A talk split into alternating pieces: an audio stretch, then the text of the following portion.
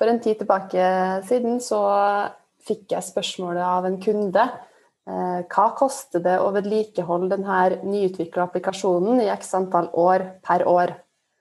Um, og det er jo et svært spørsmål som det ikke er så lett å svare på. Så eh, hvordan går man egentlig fram for å svare på det spørsmålet? Mm. Det er jo et typisk og liksom vanlig spørsmål vi pleier å få. Og for oss som er liksom konsulenter, så er det, liksom, eh, det varierer kanskje litt fra gang til gang. Da. Men nå har vi med Lars eh, fra Lars Meisingset fra Vegvesenet. Har du noen eh, innspill på hvordan man kan svare på det? Jeg har noen innspill på det. Jeg har jo flere års erfaring rundt det temaet her. Men jeg tenker også det kan være hensiktsmessig å starte med hva legger vi i forvaltning? Og da ville jeg kanskje jeg tenkt at en definisjon er at vi sørger for at løsninga minimum skal fungere like bra i framtida som nå. Det er en baseline. Det er utgangspunktet vårt. Og så ville jeg også tenkt OK, er, det det vi mener med forvaltning i 2021? Um, og Beck, og jeg òg for øvrig hele min yrkeskarriere, har gjerne jobba med skreddersydde løsninger av en viss størrelse. Og vi snakker jo gjerne mer om kontinuerlig produktutvikling nå enn å ha, lansere en løsning i produksjon, og så bare vedlikeholde den til evig tid. Så vil jeg kanskje hevde at den definisjonen egentlig ikke gjelder lenger, og det gjør spørsmålet vanskeligere å svare på. Mm. Ja, det er et godt poeng. da, ikke sant? Fordi eh, For å svare på det spørsmålet så må man jo definere forvaltning. og For å definere det så betyr det implisitt at du må se en forskjell mellom eh, produktutvikling og prosjekt. på en måte, fordi I en produktutvikling så ser man egentlig ikke Det er, liksom, det er ikke en sånn uh, business as usual-type ting. Det er egentlig bare en videreutvikling av produktet. da. Jeg tror, jeg tror, dette her eh, Altså forvirringen stammer fra en veldig enkel modell man har hatt før.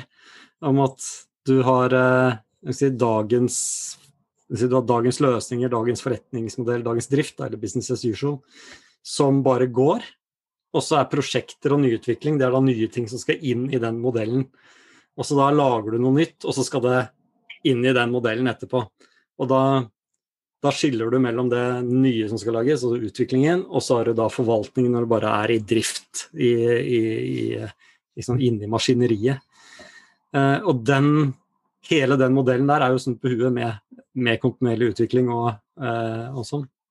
Vi hadde en tidligere podkast med Elin Ørjasæter.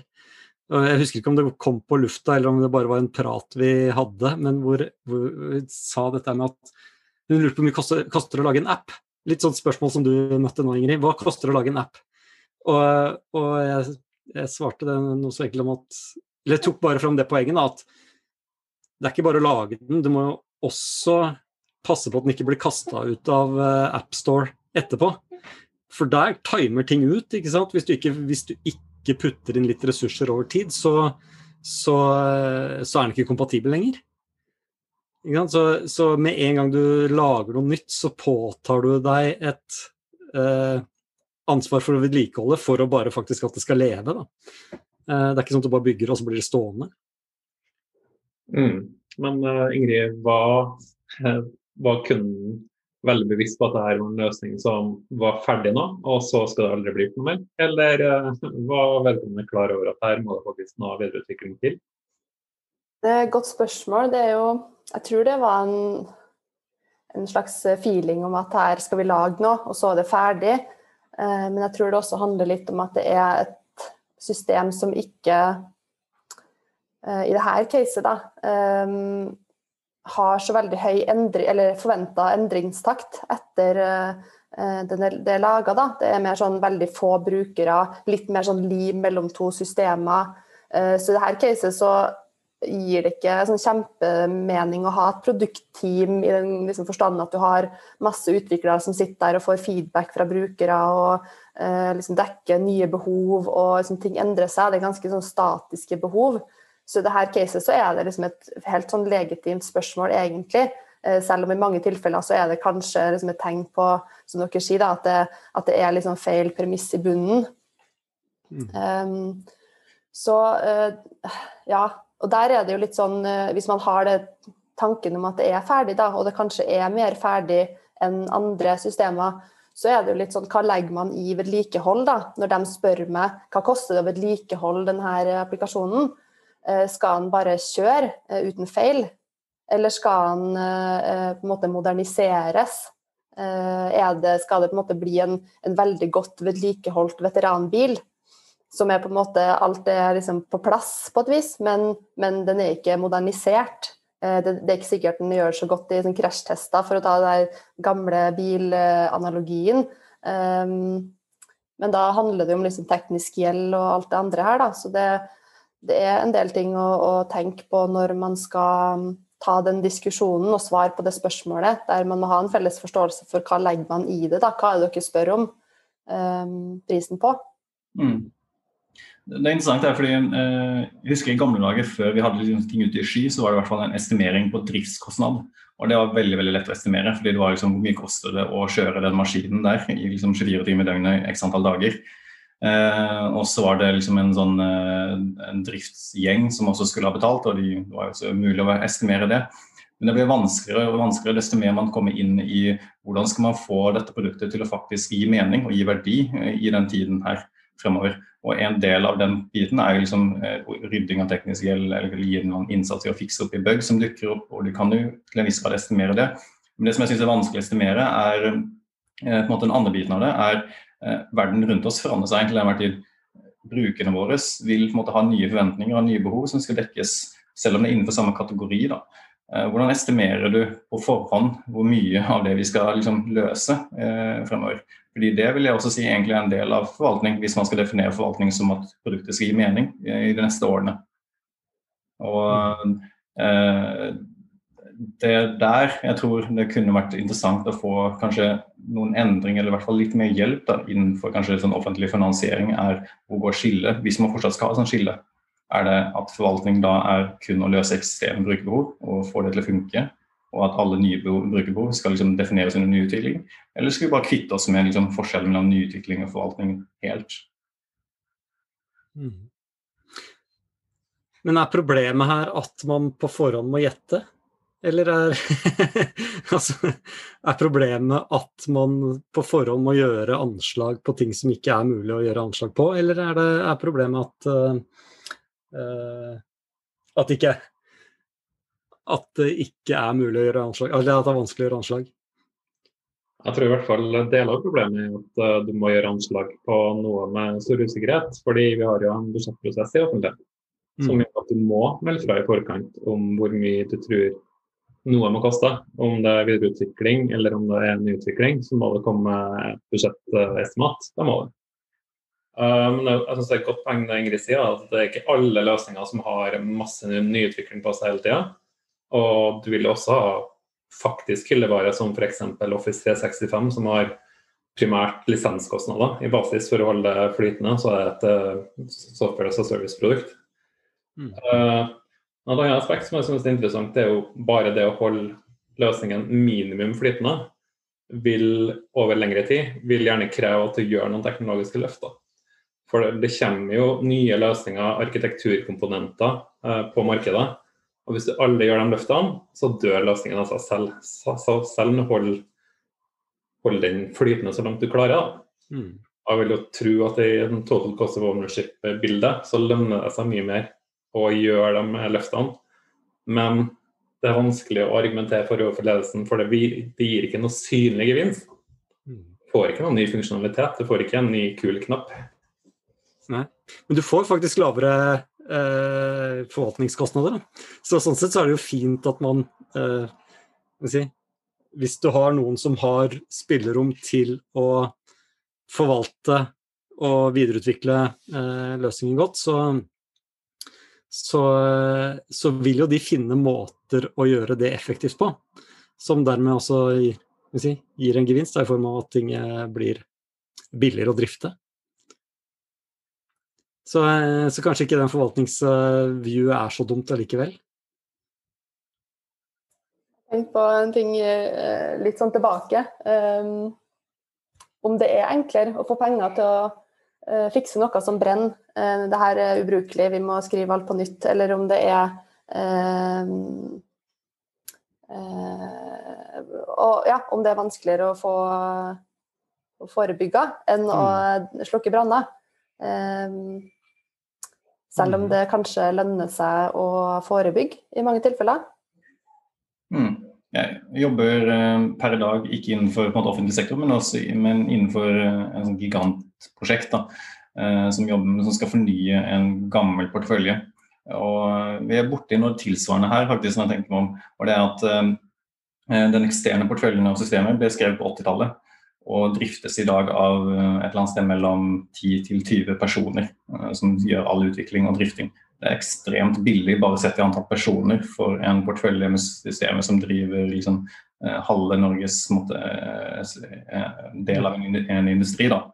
Mm. Eh, når man skal fornye det og se på liksom, vil, hvor mye det vil koste å liksom, eh, videreutvikle og drifte og liksom, forvalte det fremover, så kommer vi aldri til å komme ned på det tallet med liksom, fem til ti utviklere. Liksom. Eh, og da er det veldig mange som spør da, men eh, hva, egentlig, hva skjer med teknologi? Altså, blir teknologi bare dyrere og dyrere? vi går i feil retning her. Men det vi egentlig glemmer å si, da, er at den nye modellen som vi prøver å innføre, er jo en produktutviklingsmodell, altså en DevOps-modell, hvor du skal kontinuerlig utvikle. og Formålet med den er at du skal unngå å ha et tredje fornyelsesprosjekt 10-20 år frem i tid. Du skal gjøre de løftene hele tiden. Altså, hvis man skal ta det tilbake til liksom en sånn virkelig verden-analogi, så er det at du skal gjøre litt oppussing hver dag, i stedet for at du skal rive huset om ti år og så bygge det på nytt igjen. Mm. Og Den er veldig vanskelig å argumentere for, fordi det er veldig få ledelse, i ledergrupper som tenker på ting som skal skje om 10 og 20 år. Det er eh, vanskelig å argumentere for det caset i dag, da. Mm. Mm, jeg tenkte på i hvert fall at um, um, i de casene der du ikke har den her uh, gode drivet med at du har tenkt at ok, vi skal drive med liksom kontinuerlig forbedring og du har penger til det, så er det vanskelig å få penger ved å argumentere, fordi det er vanskelig å vise statusen på et system. Eh, liksom, hva er statusen på ditt system? Eh, er det, er det masse teknisk gjeld? Hvordan synliggjør det, gjør du det? Det er veldig sånn usynlig.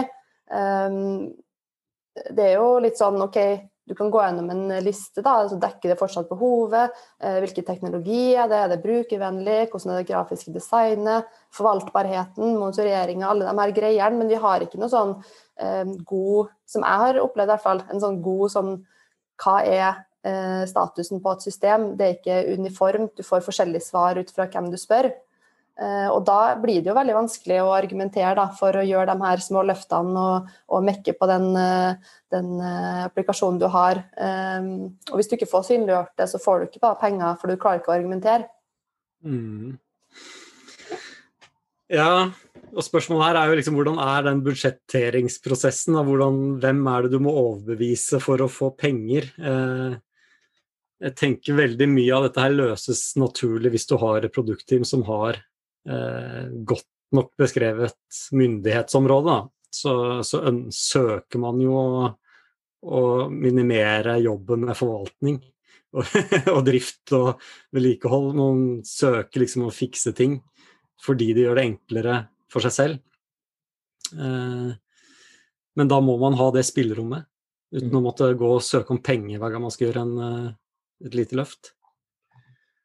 Jeg har noen konkrete eksempel. Ene er fra en uh, enda eldre kollega som sa at uh, i riktig gamle dager så tok du 10% av utviklingskostnaden og satte det som forvaltningskostnad. Enkel formel. Litt for enkel, men jeg har vært med på at vi rett og slett estimerer okay, hvor mange mennesker trenger vi til å holde den løsningen her flytende. Uh, og er kodebasen stor, så må du også ha et minimum antall hoder, for du klarer ikke å ha alt i hodet til én utvikler slash devopser. Mm. Det er en enkel måte å gjøre det på.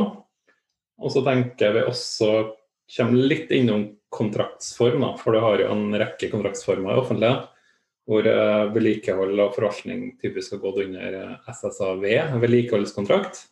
Mens i VØS-ene så har vi gått ganske mye bort ifra det og bruker stort sett SSAB, altså timesbaserte kontrakter, med oppmøteplikt i ferie og høytider. Og mm. jeg finner at det er både en billigere og bedre modell for begge parter. Mm. mm. Hvorfor det? Hvorfor er det en bedre, eller hva er det som får, får det til å bli bedre? Altså, rett og slett så du betaler en del i SSAV bare for å etablere kontrakten. Mm. Uh, og den kostnaden får du ikke så veldig mye igjen for, rett og slett. Og i hvert fall i, siden utviklinga i seg selv ofte er basert på timer, så eier kunden hele risikoen uansett. Mm. Så uh, du får ikke noe igjen for det, og du får et mye bedre tillitsbasert forhold til en eh, leverandør som har driftsansvaret. Et uh, oppfølgingsspørsmål på det er hvordan er det La oss si at det skjer et eller annet da, med det produktet. Uh, hvordan er det da dere tar den beslutningen om at nå skal vi ringe de utviklerne og få de til å jobbe med det? Det, hvordan tar dere valget om at det er verdt å endre og fikse det? Um, jeg har egentlig bare vært med i den settinga at du har utviklere til stede som uansett utvikler videre på en annen del av porteføljen. Så de er til stede uansett, du ringer ikke. Men det er absolutt andre i min organisasjon og andre offentlige som må ta den eh, avgjørelsen om å ringe. For det er jo en del løsninger som ikke har folk på seg til enhver tid. Men én løsning er at du har forvaltningsteam som har ansvaret for flere uh, mindre løsninger til sammen. Sånn at da er de alltid der. Mm. Da har du en pott å ta av, egentlig.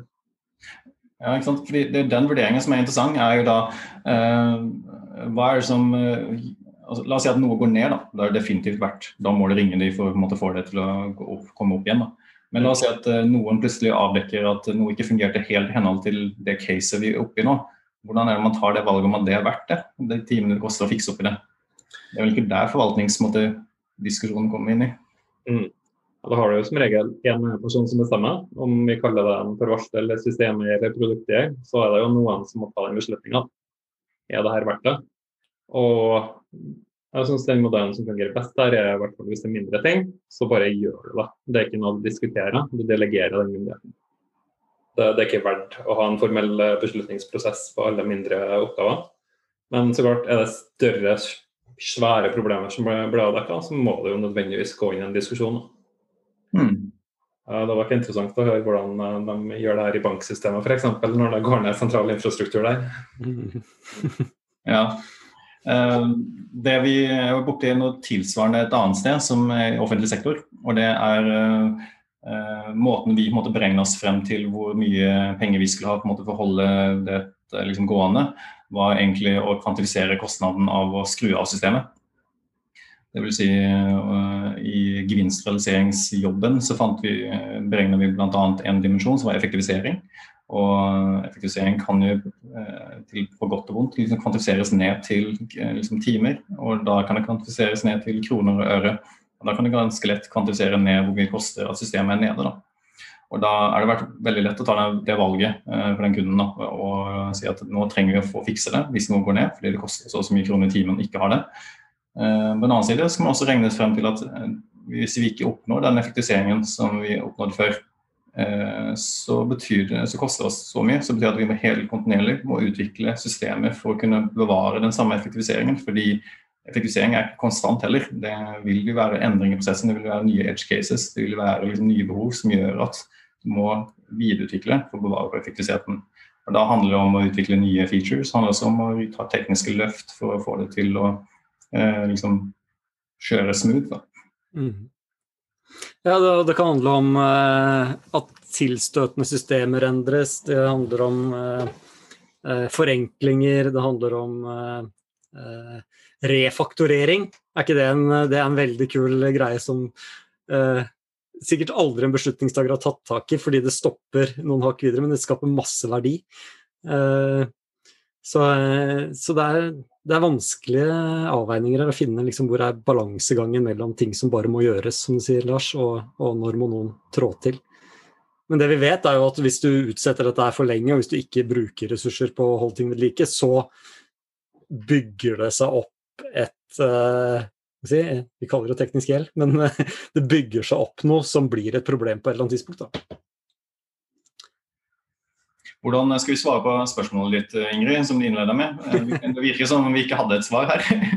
ja, jeg har egentlig altså Det ene er jo å ha liksom produktteam som driver med kontinuerlig forbedring og endring, da, hvis du har en endringstakt og det gir mening uh, for produktet. Uh, og så er det å sette av en pott som du på en måte søker på når det brenner eller når du har noen forslag. Uh, eller at du setter av mennesker da, og sier at så og så mange personer skal videreutvikle, forvalte, jobbe, være tilgjengelig, Eh, beholde kompetanse på det systemet. Da. Men, eh, men, det er fortsatt et vanskelig spørsmål, syns jeg. Det, men det er noen veier å eh, gå inn i det, tenker jeg, eh, for å, for å svare, når man må svare. Jeg tror det er viktig i hvert fall å være enig om hva du legger i forvaltninga.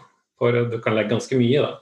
Skal, er det oppdatert komponenter til nye versjoner, lisenskostnader, incidenthåndtering, brukerhenvendelser, tilgangshåndtering, koordinering mot andre team. Det kan være alt eller ingenting. Så det er en viktig basis å starte med å definere hva vi mener. Mm. Mm. Enig. Nå er vi tom for tid. Jeg tror uh, vi setter strek der. Takk for nå. Drypp er en lavterskelpodkast fra Beck, hvor vi diskuterer diverse temaer som interesserer oss. Og Hvis du har et tema som du har lyst til at vi skal snakke om, eller du vil være med på en innspilling, ta kontakt på drypp.beck.no.